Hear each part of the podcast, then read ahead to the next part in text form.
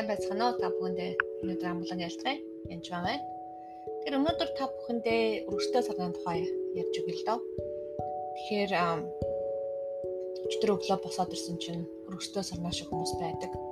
Тэгээ өөрөө мэдгүй сарнаа сайхан гоё сайхан хүмүүс мөртлөө өргөсөөр хүмүүсийг хатгадаг. Тэгээд тэр бусад хүмүүсийг өвтгдөг.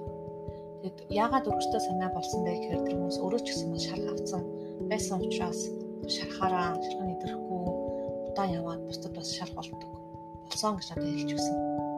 Тэгэхээр өргөстөө санаа шиг байна гэдэг бол өөрөө мэдгүй хүмүүс говдоодог хатгаж байна гэсэн үг.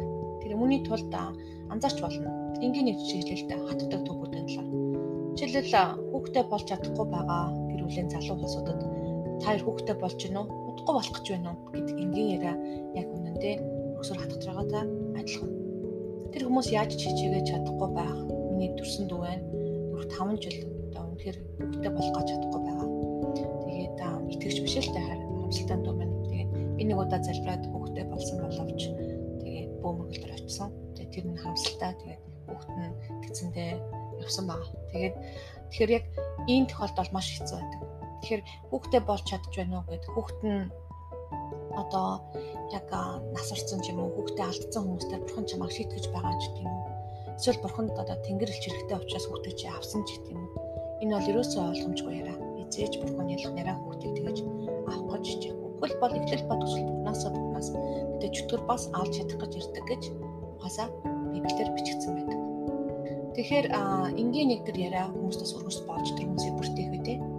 Жишээлбэл би одоо өвчтөө хүмүүс байдаг зүрх хөдлөсний болон өөр өвчтөй хүчгэл дүрцөөсөө болоод биеийн жин илүүдэлтэй тэр хүмүүсийг чи турж гин үү яасан тарга юм бэ арчаагүй юм бэ гэдэг юм уу ийм байдлаар хэлдэг хүмүүс байдаг. Тэгэхээр хүмүүс биднэрт сонголт бас байгаа шүү. Тэгээд тэр хүн ягаад ч тарган бас байж болно гэстэй. Тэр ажил дээр нь хүмүүс бас доромжилж айлгах явдал бас байдаг.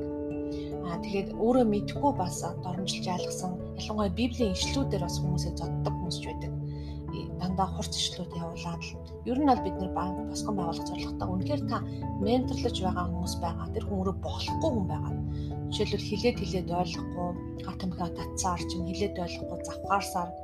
Одоо нэг клиент байна миний нэг өмчлүүлэгч найзын өмчлүүлэгч зүг зүгээр явж яадаг. Тэгээ байнгын хүнтэй явуулдаг тийм юм баа итгэвч мөртлөө зогсохгүй тэрийгээрээс орхихгүй байгаа.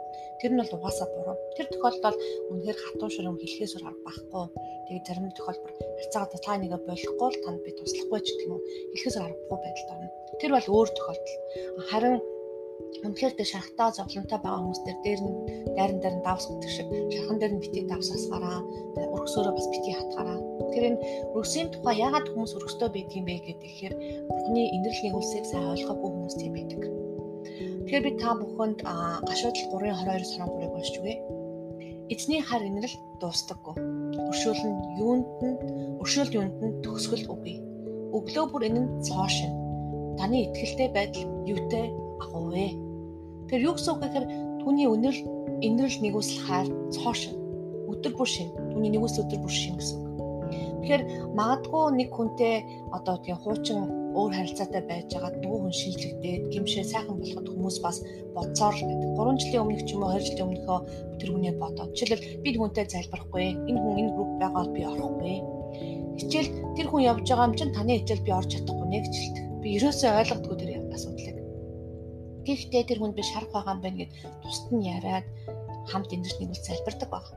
Нэгсэндөө одоо энэрл нэгүүлсээр дүүрсэн ойлгосон хүн бол өдөр бүр цоошин гэдэг нь юу гэсэн үг вэ? Өнгөрсөн 10 жил ч юм өнгөрсөн өчтөр юу болсон нь л хамаарат өнөөдөр чи цоошин байна л гэсэн үг. Энэрл нэгүүлсээр дүүрэх үед тэр өргөсөнд хатгуулдаггүй байх. Нэгснэ бабар шиг буюу бүр ингэ бөмбөлөг шиг болцсон тэр өргөстэй байсан ч гэсэн та нар өргөстэй хүн орсон ч айх явдал байхгүй гэсэн Тэгээ өргөстэй юм чи хатгачл дараа хатгсан ч та инэрл нэг үсээр дүүрэн байгаа учраас ерөөсөө тэр нь тоохгүй хатгагдахгүй гэсэн үг нэгдүгээр. Хоёрдугаарт нь илүү ойлгож уучлалт илүү хурдан ойлгоцож ярина гэсэн. Тэгэхээр аялалд энд байгаа юм чи би тэрэн дээр очихгүй ч гэдэг юм уу. Тийм байгаа бол та нэгдүгээрт нь шарах байна гэсэн. А үнэхээр нийлдэггүй хүмүүстэйгээ ч юм уу одоо тохирохгүй хүмүүстэй нийлэхгүй байх нь бол одоо байлгүй яг таны сонголтын асуудал. Хинтээ нийлэх үү, хинтээ нийлэхгүй чинь найз нөхөд байхгүй таны сонголтын асуудал. Харин хин нэгнээс болоод дуртай юмдаа явж чадахгүй ч юм уу, тэрнээс болоод нэг машин цууж чадахгүй гэх мэтчлэн юм байгаа бол та эзэн Есүс Христийн инэрл нэгүсээ сайн ойлгоогүй байна гэсэн. Нэгсэн доо та цоошин хүнийг харахгүй байна гэсэн. Аа тэгээд яг цагаан цаа шиг харах ёстой гэсэн. Бурхан таны гим нүглийг зөвхөн уучлаа зогсохгүй мартаа бүр цэвэрлдэг байна. Хов хоосон болдог, цав цагаан болдог гэсэн. Тэр өчтөр магадгүй та тэр хүнтэй асуудал гаргасан байж болно. Өнөөдөр та цоошин хүнийг харах ёстой гэсэн. Цоошин цагаан цааш хүнийг. Энэрл нэгүсэл бол тийм л учиртай зүйл. Тэгэхээр та бүхэн хэрэг өргөстөө хэрэг бусдад өргөсөөрөө хатгаж байгаа болос болгоомжтой хандаараа а чимээгүй залбирч болно тэр үний талаар өөртөө эвлэлт нэгдэж ярьж болно шүү дээ. Есүс хүртэл хараа муутай хүнээс танд ямар замбар залбирал хэрэгтэй вэ гэж асуудаг. Шууд л чиний хараа муу байна би чамд хараагүй байна залбираад өгье гэж хэлдэггүй. Тэгэхээр танд ямар залбирал хэрэгтэй вэ? Дотн суугаад сайн ярилцаараа тэгээд бас өөрөө мэдгүй өргөсөөр хатгаж байгаа бол өөрийнхөө шарахыг бас сайн цэвэрлээрэй гэж уриалмаар байна. За та бүхэнд амжилт хүсье. Баярлалаа.